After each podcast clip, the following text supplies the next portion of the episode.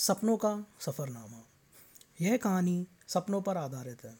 शायद शायद दुनिया में ऐसा कोई व्यक्ति नहीं है जो अपनी उबाऊ वास्तविक ज़िंदगी से ऊब कर अपने सपनों की दुनिया में रहना चाहे। व्योम एक पैंतालीस वर्षीय साधारण व्यक्ति हैं जो अपनी वास्तविक ज़िंदगी से ऊब गया है। लेकिन लेकिन अचानक वह एक अद्वितीय उपहार का मालिक बन जाता है।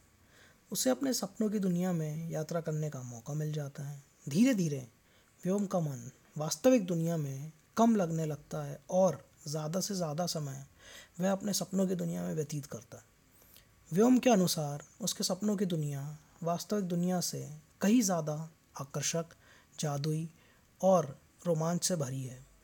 व्योम ने अपने सपनों के सफ़रनामे में कई साहसिक कार्य किए, जो उसने पहले कभी नहीं किए थे। बहुत सी पहलियाँ सुलझाई, साजिशों का सामना किया और ख़तरों से रूबरू भी हुआ। लेकिन अंत में व्योम अपने सपनों की दुनिया की सच्चाई से रूबरू हुआ। व्योम का, सपनों का सफ़रनामा उसे क्या देगा, खुशी या निराशा? जानने के लिए जुड़े रहिए मुझसे, यानी कहानीकार अंबर के साथ।